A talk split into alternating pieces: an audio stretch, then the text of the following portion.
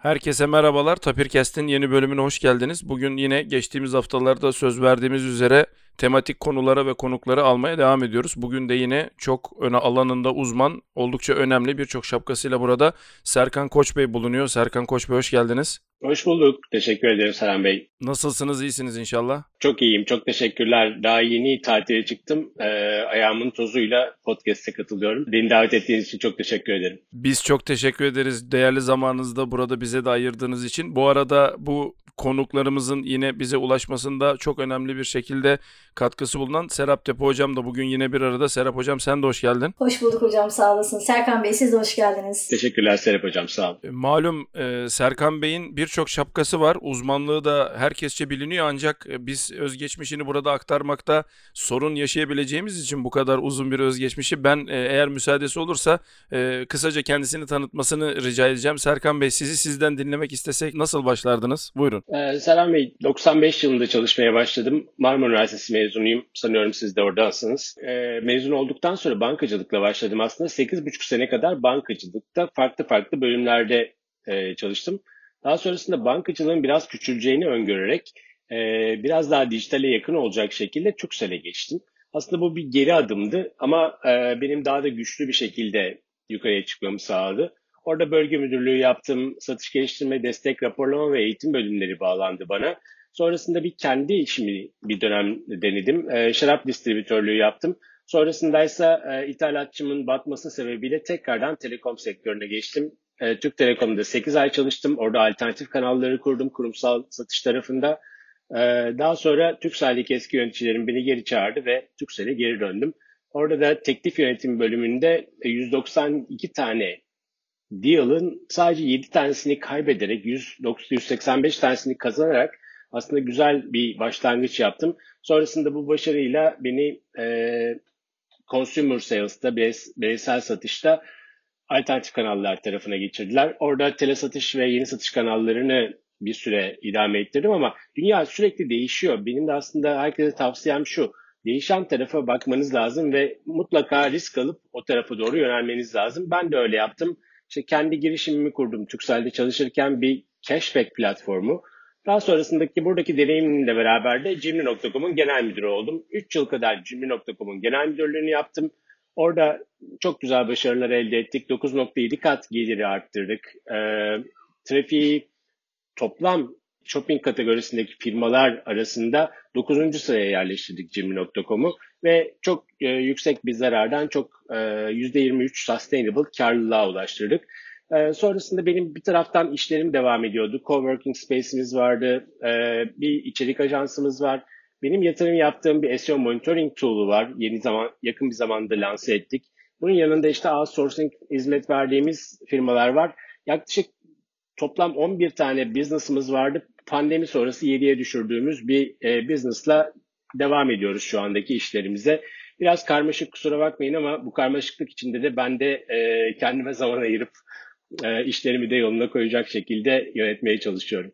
Aslına bakarsanız e, biz sizi davet ettikten sonra, e, davetin kesinleşmesinden sonra biraz sizin hem özgeçmişinizde çalışma şansı hem de e, sosyal mecralarda ve dijital platformlarda yapmış olduğunuz konuşmaları takip etme şansım da oldu. İsminizi çokça duyuyordum ama tabii haliyle biraz daha ciddiyet katmak gerektiği için e, ben açıkçası bu podcast'in çok benim için şahsım adına çok önemli olacağını düşünüyorum. Çünkü hem telekom geçmişiniz, benim de biraz telekom geçmişim var. Hem de bu alanlarda gerçekten bahsettiğiniz şeyleri herhalde yapan az insanlardan olmanız hasebiyle güzel bir kayıt olacağını düşünüyorum. E, müsaadeniz olursa Serap Hocam'ın da müsaadesiyle e, girizgah olması açısından genel bir girişle sizden Türkiye'de e-ticaretin yerinden bahsetmenizi ıstirham ederek başlayalım diyorum. Türkiye'de pandemi öncesi ve pandemi sonrası diye ele almak lazım aslında Türkiye'deki e-ticaretin gelişimini. Çünkü pandemi öncesinde e, herkesin ilgi duymadığı, kendi e, yani e-ticaret yapan firmaların dahi bu kadar önemsemediği e, bir satış kanalıydı aslında e-ticaret. E, pandemi sonrasında pandemiye kadar gelen o 20 yılın e, tamamını pandemi sonrasında bir yılda tek ikiye katladı e, e-ticaret ekosistemi. Bu müthiş bir gelişmeydi. E, Türkiye'de e-ticaret e, pandemi öncesinde %6,5'larda bir toplam ticaret içindeki paya sahipti. Pandemi sonrasında %10'lara kadar ulaşan bir e, toplam ticaret içinde paya ulaştı. Bu müthiş bir gelişim. Ee, insanların tabii dışarıya çıkamaması, evden e, ihtiyaçlarını gidermesiyle aslında hiç öngörülemeyen e, bir kesim de e-ticarete girdi. Annelerimiz, babalarımız dahi artık e-ticaretten alışverişlerini yaparak e, ihtiyaçlarını karşılamaya başladı. Bu şimdi devam ediyor. Hala bir normalleşme süreci var. İnsanlar marketlerden alışveriş yapabiliyor ama e, hala e-ticaretin kolaylığına alıştılar ve o e, alışkanlıklarını devam ettirmeye sürdürüyorlar. E, bu tabii e-ticaret açısından çok önemli bir gelişme. Normal ticaret kanallarında özellikle firmaların bir mağaza açlıklarındaki kiraları, elektrikleri, çalışanların SGK vesaire giderleri, maaş giderleri çok yüksek tutarlara ulaşmıştı. E, bu farkındalıkla, bu deneyimle beraber artık firmalar daha az mağaza bulundurup daha çok e-ticarete yatırım yapmaya başladılar. Buradaki tabii farklı unsurlar var. Datayı işlemeye başladılar. Müşterinin deneyimini iyileştirmeye başladılar. Bu da e-ticareti aslında zıplatan bir unsur oldu pandemi sonrasında. E, bu da böyle devam edecek gibi görünüyor dediğim gibi. Müsaadeniz olursa ben e, araya girmek istiyorum şöyle. Çok güzel bir konuya değindiniz. Zira e, yurt dışında naçiz bulunduğum sıralarda e-ticaretin ne kadar önemli olduğunu bu tabi pandemi ayrı bir tartışma konusu oraya geleceğiz. Şöyle bir örnekle e, göstermek isterim ben de. E, orada da malum e, Amerika Birleşik Devletleri'nde de çok uzun yıllardır bu e-ticaret önemli bir aslında e, noktada bulunuyor. Bizim alanlarımızda bir ürünün belli bir şeyi doğrudan bulabilmenin aslında en kolay yoluydu Amerika Birleşik Devletleri'nde. İşte ürün işte part number diyorlar onlar işte ürünün kodunu veriyorsunuz, özelliklerini giriyorsunuz. Yani e, standart olarak eski bir alışveriş öyle diyelim geleneğinde ya bakayım e, kafama göre ne bulursam alayım şeklindeden ziyade çok iyi tanımlanmış, çok iyi ölçülmüş, çok iyi karşılaştırılmış, herkes tarafından kabul görmüş bir şeyi insanlara dijital platformda birkaç tuşta bulmasını sağlayan bir mecra olarak tanıyordum ben e-ticareti bundan önce. Bilmiyorum bu yaklaşımım doğru mu? Pandemi öncesindeki kısmıyla e, e, sormak istesem buna ne dersiniz? Yani çok doğru söylüyorsunuz. Ee, bizim Türkiye'deki en büyük eksiğimiz bu aslında Serhan Bey. Ee, bizim e-ticarette müşteri deneyimimiz biraz zayıf. Çünkü dediğimiz o konular çok önemli. Ürün özelliklerinin bulunması ve karşılaştırılabiliyor olması. Aynı zamanda bir standartın olması, bir barkodun olması ve e, ürünlerin o barkodun altında listelenmesi. Şimdi her bir üretici e, tabii ki işte cep telefonu için söylemiyorum bunu ama farklı farklı ürün gruplarında aynı ürün için farklı farklı barkodlar tanımlıyor. Bu da ürünün e, unik bir ürün olmasını engelliyor. Dolayısıyla her listelenen üründe kullanıcının buna ulaşması zorlaşıyor.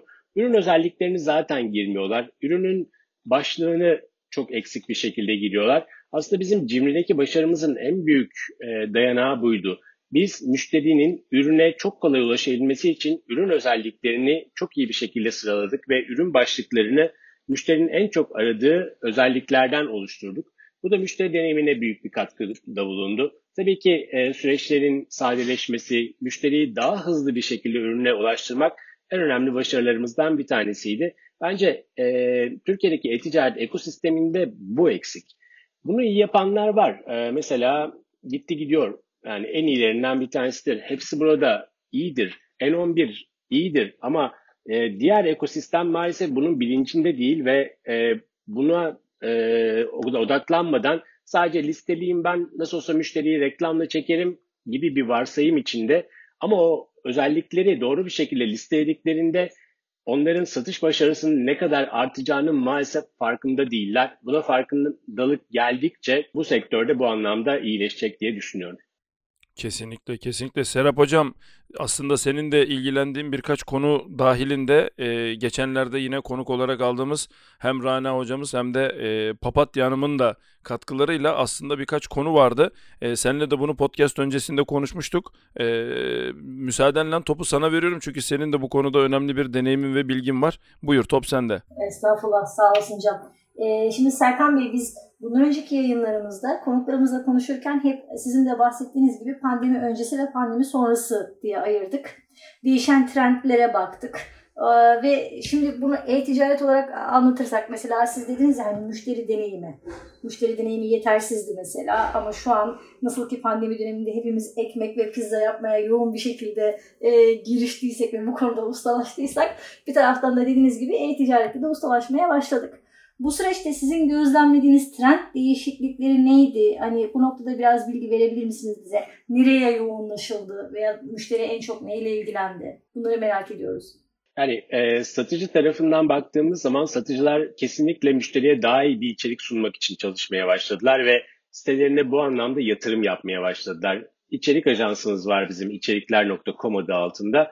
E, oraya gelen taleplerden bunu çok rahatlıkla görebiliyoruz. Artık müşterinin ihtiyacı olan bilgileri çok hızlı bir şekilde güncelliyorlar ve e, sitelerinde bulunmasını sağlıyorlar. Buraya ciddi paralar yatırmaya başladılar büyük e-ticaret firmaları, marketplace'ler. Bunun yanında kullanıcı tarafında tabii e, alım alışveriş alışkanlıkları değişti. Mesela çok enteresan datalar var. Çin'de e, maske taktıkları için göz makyajının malzemeleri çok fazla satmaya başladı. E, bunlar çok önemli şeyler aslında. İn, firmaların kendilerini geliştirmek için çok önemli tüketici işgörüleri. Tabii ki e, talep edilen ürünlerde de farklılaşma oluşmaya başladı. En önemlisi aslında e, manav alışverişlerini artık insanlar internetten yapmaya başladılar. Bu çok önemli bir değişim, çok önemli bir kırılma noktası. Yurt dışındaki bütün e-ticaret firmaları, marketplace'ler, Amazon gibi, işte Walmart gibi, Walmart'ın da kendi e-ticaret tarafında artık manav alışverişlerini, grocery dediğimiz e, kategoriyi çok daha fazla ön plana çıkartıp satışlarını arttırmaya çalışıyorlar. Türkiye'de de bu oluşmaya başladı. Artık e, manav alışverişlerini insanlar internetten yapıyorlar. Yani bizim hep her zaman gidip de pazardan elle böyle seçip aldığımız ürünleri artık internetten almaya başladık. Bu tamamen e, kırılma noktası. Bu noktadan sonra artık e-ticaretin geri dönüşü yok. Her sene daha da katlanarak büyüyeceğine işaret aslında bu. Çünkü bir alışkanlık oluşmaya başladı. İnsanlar artık eskiden acaba aldığım iPhone gerçekten gelecek mi bana derken artık biberi çürük olmadığına inanarak internetten almak büyük bir değişim. Ee, bu alanlarda çok fazla bir dönüşüm var. Bunun yanında işte farklılaşan kategoriler var. İnsanlar artık evde spor yapmaya başladılar mecburen pandemi sebebiyle ve evde herkes işte en çok bir dönem e, ilk pandeminin çıktığı zamanlarda en çok satılan şey dumbbell'dı. Koşu merdiven bisikletleriydi aslında. Bunlar hayatımıza girmeye başladı e-ticarette. Yani aslında hiç olmayan kategoriler bir anda e-ticarette artmaya başladı. Bunun yanında mevcut kategoriler de zaten büyüdü ve ortaya çok güzel bir e, mix çıktı. İnsanlar artık bütün alışverişlerini internetten yapıyor. İnanın ben 3 e, sene boyunca e-ticaretin göbeğinde yaşadım. Bütün e-ticaret firmaları benim müşterimdi ve e, o günlerde dahi bir kere bile internetten alışveriş yapmadım. İnternetten alışveriş yapmayı hiç sevmem. Ama pandemi sonrası öyle bir alışkanlık oluştu ki her şeyi internetten almaya başladım. Ufak şeyler bile böyle mesela 20 liralık bir şey alacağım. İnternette 10 lira üzerine kargo bedeli ödeyerek alıyorum. Çünkü artık mağazaya gidip kendimi yormak istemiyorum. Ayağıma geliyor. Kilogram olarak ağır şeyler insanların artık çok fazla evlerine almaya başladığı şeyler oldu e-ticarette. Yani mesela OMO alıyorlar. 10 kilogramlık OMO'yu marketten taşıyacağına başka birisinin getirmesini sağlıyorlar. Bunlar çok büyük kolaylık. Bunun tadına vardı tüketici artık geriye dönemiyor. Ee, ben şöyle araya girmek istiyorum. Zira beni heyecanlandıran 3-5 konuyu Serkan Bey arka arkaya sıralayınca kusura bakma Serap Hocam araya girme ihtiyacı hissettim. Çünkü kendisi e, bahsettiği üzere işin e, tabiri caizse mutfağından gelmiş birisi olarak ve bütün noktalara temas eden birisi olarak bu işleri yapmış birisi. Bu noktada da e, özellikle kendisinin bahsettiği Türksel geçmişi galiba burada önemli bir e, pozisyonda. Zira ben de telekomcu olarak soruyu şuna evriltmek istiyorum yüksek müsaadenle Serap Hocam. E, Serkan Bey e, teknolojinin devinimi ve evrimi bu noktada e, e-ticaretin de devinimini ve evrimini etkiledi diye düşünüyorum. Yani biz bu altyapıyı e, pandemiye denk geldi. Allah nasip etti öyle diyeceğim. Öyle değil mi? Yani bunu 15 sene önce pandemi olsaydı tahmin ediyorum bugün bunları konuşmuyor olacaktık. Kapsama alanı her yerde genişledi. İşte şimdi 4.5G, 5G bunlar konuşuluyor. E, ayrıca dediğiniz gibi ben de e, hiç kullanmazdım. Ben de kullanmak durumunda kaldım. O kadar gelişti ki artık size ürününüzün neredeyse bir saniye gecikmeli koordinatlarını vererek size e, şey yapan, aktaran hizmetler var. Ya ben bunları bir araya getirdiğimde şunu görüyorum. Bu tespitim doğru mudur ya da bu konuda sizin görüşleriniz nelerdir? Teknolojinin evrimi hızlandıkça yani bu evrim ilerledikçe özellikle işte kablosuz haberleşme ve dediğiniz gibi e, benzeri teknolojiler, internet altyapıları o önüne geçilemez alışkanlıkların artık Maslow'un zincirinde en alta gireceğini belki düşünebilir miyiz? Yani ben ben böyle hissediyorum. Bilmiyorum bu hissiyatım doğru mu? Yani doğru. Yani insanlık evriliyor aslında. İnsanlık kolaylık istiyor ve bunu teknolojide buluyor. Dolayısıyla e, teknolojinin hayatına her girdiğinde önce bir ama diyor ama sonra tadını aldıktan sonra da bırakamama gibi bir noktası var. Şu anda e, verdiğimiz bilgilerle internette inanılmaz bir bilgi yoğunluğu var. Ve bunu kullanabilen Facebook gibi firmalar bizi çok güzel hedefleyerek istedikleri gibi manipüle de ediyor, ediyorlar. Great Hack diye bir film var e, Netflix'te, belgesel. Mutlaka seyredin. İnsanların teknolojiyle verdikleri bilgilerde arka tarafta datanızı işleyerek, profilleyerek sizi nasıl yönlendirebildiğini gö- kolaylıkla göreceksiniz. Şimdi teknolojinin bir tarafı bilgi. Sizinle ilgili bilgileri alıp belli profillemelerle sizin davranışlarınızı değiştirebiliyorlar. Artık kalktığınızda ben bunu istiyorum demiyorsunuz. Sen bunu isteyeceksin diyen bir teknoloji var karşımızda. Dolayısıyla e-ticarette de e, gelecekte bu teknolojiyi kullanarak satıcılar size istedikleri ürünü istedikleri şekilde yönlendirebilecekler. Siz fiyata mı duyarlısınız o zaman düşük fiyatlı bir ürünü size gösterecekler. Ya da siz kaliteli ve pahalı bir ürün mü istiyorsunuz o zaman kaliteli bir pahalı bir ürünle sizi karşılaştıracaklar ve daha önce aldığınız markayı bıraktırabilecekler. Dolayısıyla bu teknolojinin data tarafı çok önemli. Diğer taraftan teslimat yöntemleri değişti. İşte çok yakın bir zamanda 1.2 milyar dolara e, Amazon Vivox diye bir self-driving car yani kendi kendine e, teslimat yapabilen araçların olduğu bir girişimi satın aldı. Evet, evet. Artık e, teslimatlar da aslında insansızlaşmaya başlıyor. Dolayısıyla sizin evde olmanızı bile gerektirmeyen yöntemlerle teslimat yapabilecek. Gene Amazon'dan örnek verebilirsek Amazon Key diye bir ürünü var Amazon'un. Size bir kod, daha doğrusu teslimat yapan kişiye kod gönderiyor. O kodla kişi sizin kapınızı açıyor. İçeride de bir tane kamera var. Kamerayla o kişiyi izleyebiliyorsunuz ve bir hırsızlık veya bir problem oluşmasını önlüyorsunuz. Ve e, kişi kapıyı açtıktan sonra tek kişi, tek kereye yönelik bir passwordle açıyor ve kapattıktan sonra artık o password geçerliliğini ortadan kaldırıyor. Benim en büyük problemim şu. Eğer evde olmazsam teslimatı alamam ve teslimat geri gider gibi bir endişem var. İşte firmalar müşteri odaklılıklarıyla müşterinin ihtiyaçlarını tam olarak anlayarak problemlerini çözdükleri noktada müşterinin kalbini kazanıyorlar ve uzun vadeli de birlikteliklerini sağlıyorlar. Bu teknolojiler buna yarıyor. İşte 5G teknolojisi bu self-driving karları işletebilmemizi sağlayacak. Çünkü kesintisiz bir iletişim gerekli o araçların yollarını bulabilmesi için. Gene yapay zeka gündemde. Yapay zeka ile birçok şey yapılıyor. Bugün biz yapay zekaya öğretim yapan, e, tanımlamaları yapan bir ekibimiz var. E, mesela bu tişört siyah, bisiklet yatağı bir tişört ve kısa kollu bir tişört.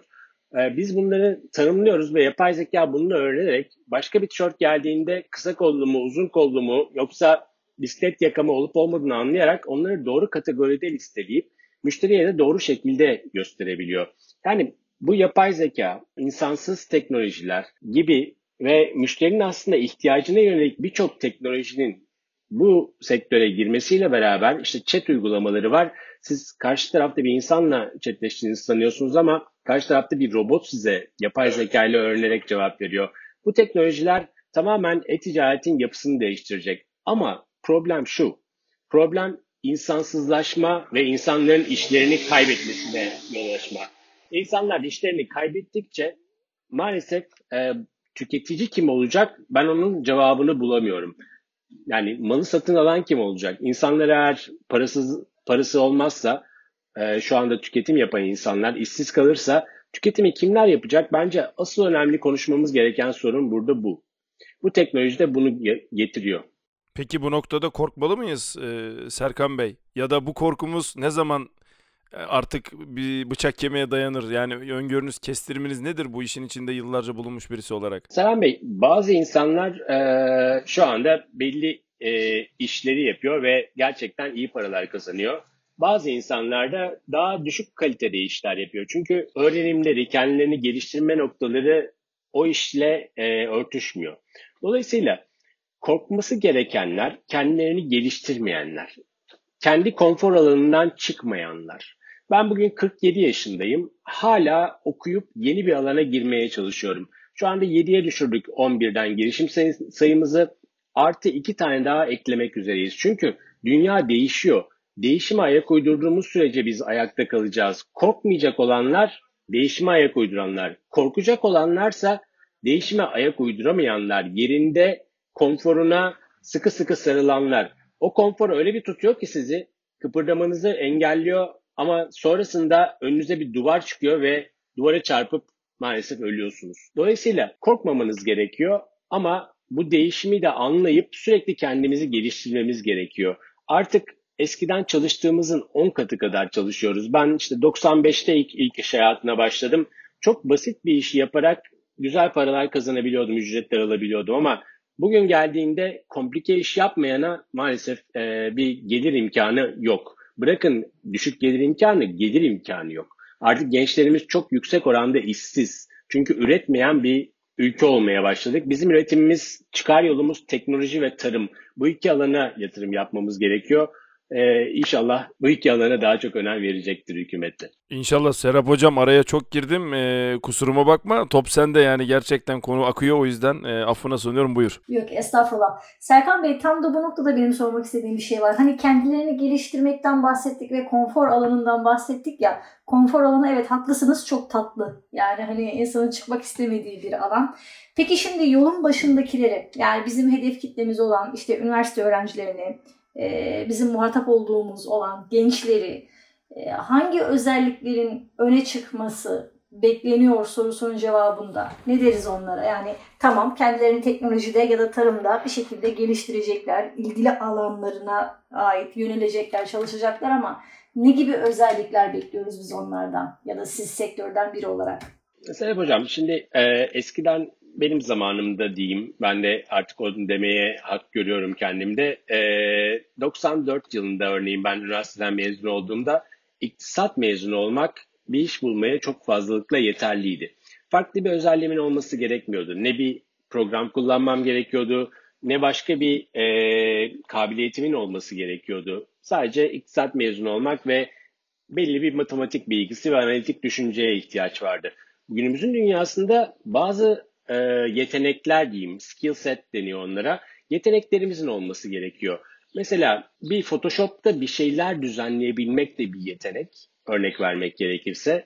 Veyahut da e, bilgisayarda hızlı e, ürün girebilmek ya da bir pro, robotic process automation denen bir alan var mesela. Evet. Robotic process automation'ın bilgisine sahip olmak e, da bir yetenek.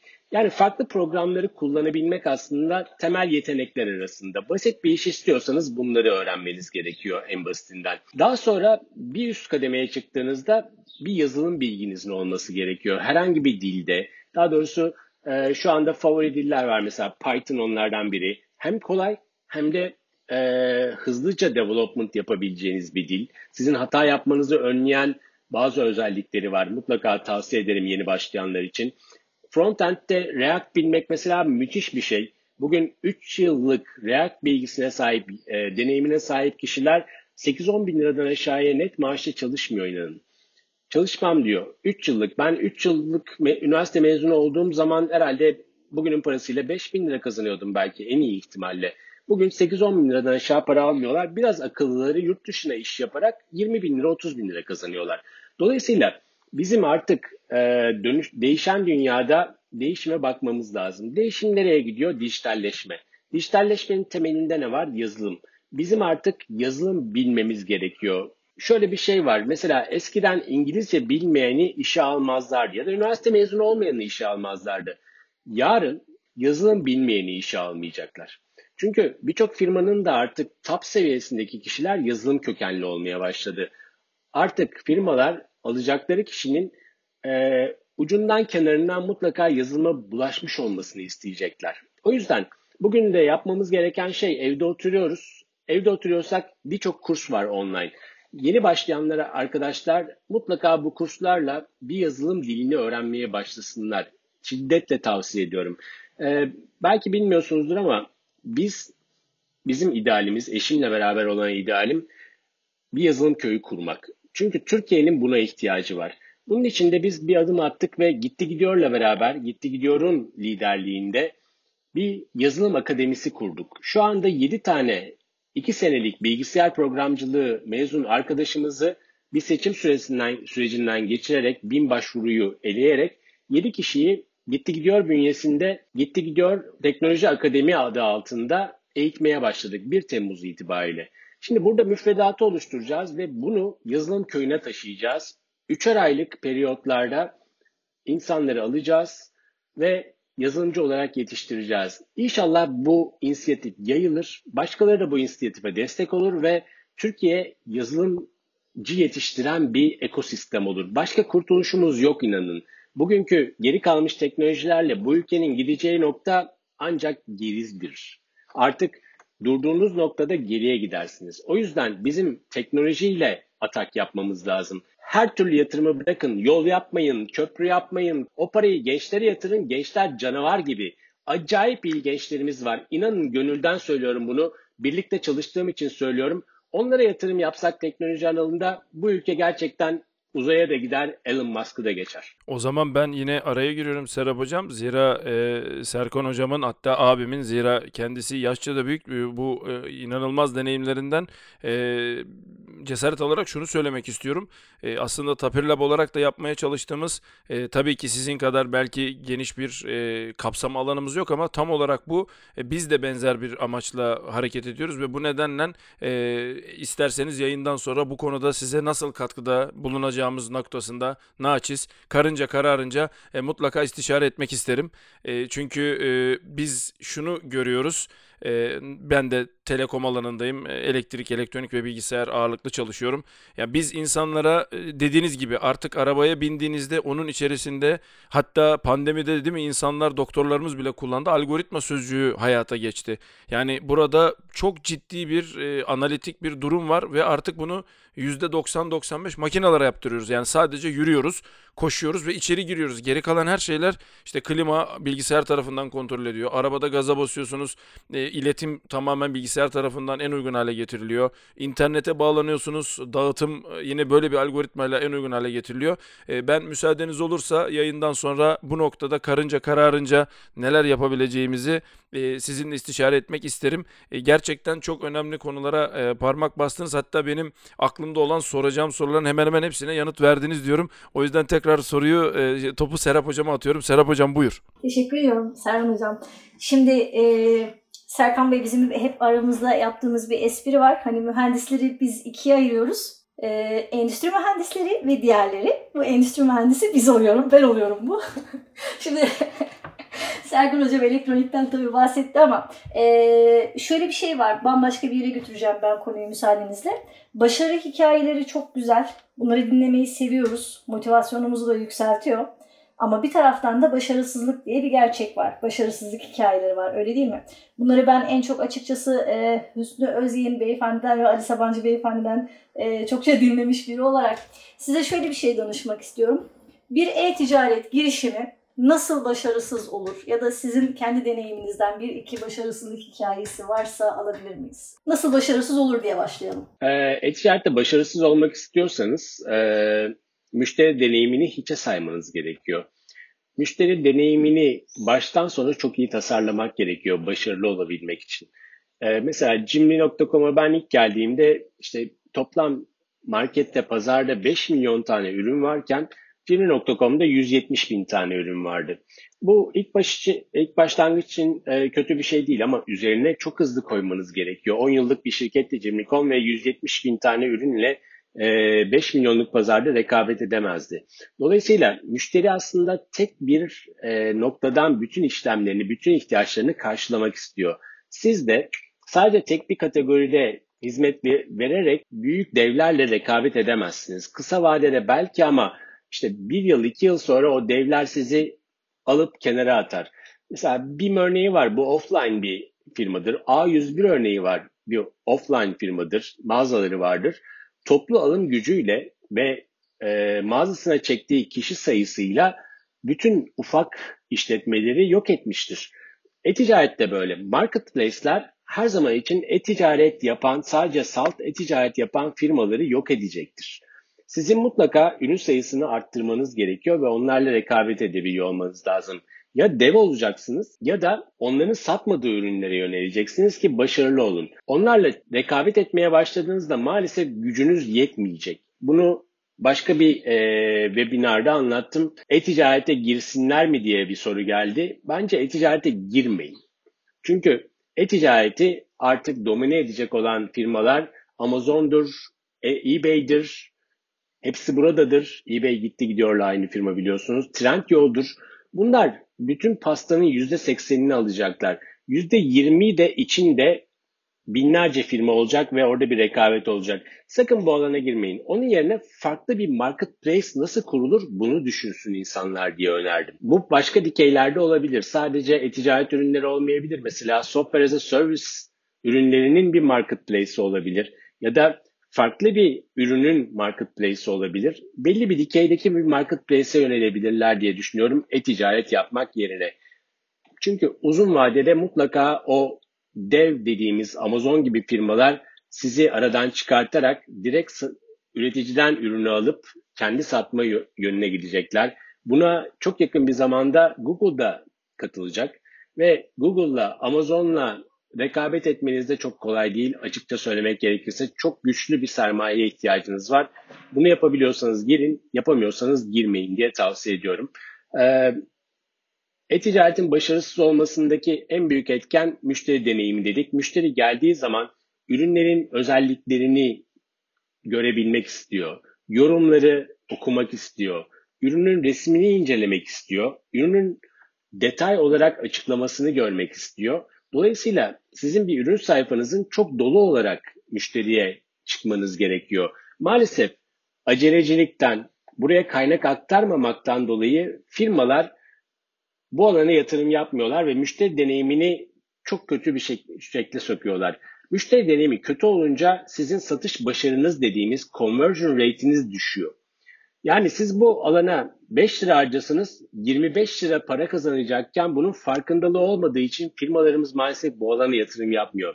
Biz şu anda 30 küsür kişilik, 33 kişilik ekiple sadece bu alanı geliştirdiğimiz bir marketplace ile çalışıyoruz. Ve bu gerçekten olayın kalbi. Bunun farkındalığı olan firmalar ileride kazanacak, farkındalığı olmayan firmalar kaybedecek. Ee, bunun yanında teslimatla ilgili süreçler, ne kadar zamanda teslim ediyorsunuz? Ücretsiz teslimat yapabiliyor musunuz, yapmıyor musunuz? Şu anda Amazon'un tek oynadığı alan teslimat. Buna ilişkin uçak filosu kurdu adamlar zamanda teslimat yapabilmek için. Çünkü tüketici artık beklemek istemiyor. En önemli konulardan biri teslimat. Buna kafa yorulması gerekiyor. Ben olsam e-ticaret firması kuracağıma teslimat firması kurarım. Herkes şu anda o alana yönelmiş durumda. Orada da rekabet artıyor ama hala bence büyük bir pazar var diye düşünüyorum. Dolayısıyla müşteri deneyimi çok önemli. E, o zaman şöyle bir şey diyebiliyor muyuz? E, mesela kullanıcı dostu bir arayüz tamam bu e, olması gerekenlerden biri. Müşteri deneyimi çok önemli ama bu başlıkların altında mesela iş analistliği de önemli öyle değil mi? E, lojistik, tedarik zinciri, performans ölçümü bunların hepsi aslında ayrı ayrı kollar. Ve bu kolların hepsinde de gençler kendini yetiştirebilir, başka bir alana geçebilir. Girişimci olmak istiyorlarsa dediğiniz gibi tedarik zincirinde ve lojistikte de ilerleyebilirler o zaman. Doğru mu anlıyorum? Kesinlikle. Ee, biraz önce söylediğiniz kelimelerden bir tanesi çok önemli. Analitik kelimesi. Bu işlerin ölçümlenmesi ve daha iyi yapılması için analizlerin yapılması çok önemli. Analistler de önemli. Müşteri deneyimini nasıl tasarlayacak, e, hangi problemleri çözerek tasarlayacak, müşterinin hangi problemlerini çözerek tasarlayacak bunlara kafa yormak gerçekten birçok firmalarda inanın yok. Bunları yapanlar kazanacak ama. Çok teşekkür ediyorum. Serkan Hocam, Serkan Bey, Serkan abi hangisini kabul ederseniz benim için hepsi uygun. Ben eğer müsaadeniz olursa toparlamak istiyorum. Çünkü Serkan Bey'in vaktini daha fazla almak istemiyorum. Gerçekten su gibi aktı benim için. Kendisinden daha ileride başka konuları da uzmanlık alanına denk gelen konuları da danışmak üzere söz almak istiyorum. Aslında her konumuza yapıyoruz ama yani bugün biraz daha özel oldu çünkü ben hem telekomcuyum hem söylediğiniz işler yazılım işleri bizim de çok kullandığımız işler mecburuz. E, ve bir de işte bu son dönemde ortaya çıkan bu e-ticaret ben de sizin gibi kullanmıyordum ve kullanmaya başladım. E, o anlamda eğer sizler için de uygunsa daha ileride başka bir mecrada belki de e, sizden yine bir söz almak isteriz Serkan Hocam. Memnuniyetle çok memnun olurum. Çok teşekkür ederim. Son sözü size vereceğim Serkan Hocam. Ondan önce Serap Hocama müsaadenizle bir soru var mı diye sormak istiyorum. Hocam e, teşekkür ediyorum. Yani Serkan Bey'e de gerçekten çok teşekkür ediyorum. Çok bilgilendik, faydalandık. E, inşallah dinleyenlerin hepsi de güzel faydalar elde ederler. Vakit ayırdınız. Çok sağ olun diyorum ben. Ben de çok teşekkür ederim. Ee, davet ettiğiniz için çok teşekkürler. Büyük keyif. Ee, bence zaten bu konuşmalarla biraz daha yolumuzu bulacağız. Bu tartışmalarla yolumuzu bulacağız. Ben de bugün çok şey öğrendim sizden. Çok teşekkür ediyorum. İnşallah başka bir programda görüşürüz. İnşallah inşallah çok teşekkürler. Bugün konuğumuz Serkan Koç'tu. Kendisi bize e-ticaret hakkında ama e-ticaretin üzerinde e, 25 tane daha farklı alanda çok önemli bilgiler sağladı. Önümüzdeki hafta tematik konu ve konuklarımıza devam edeceğiz. Herkese hayırlı günler.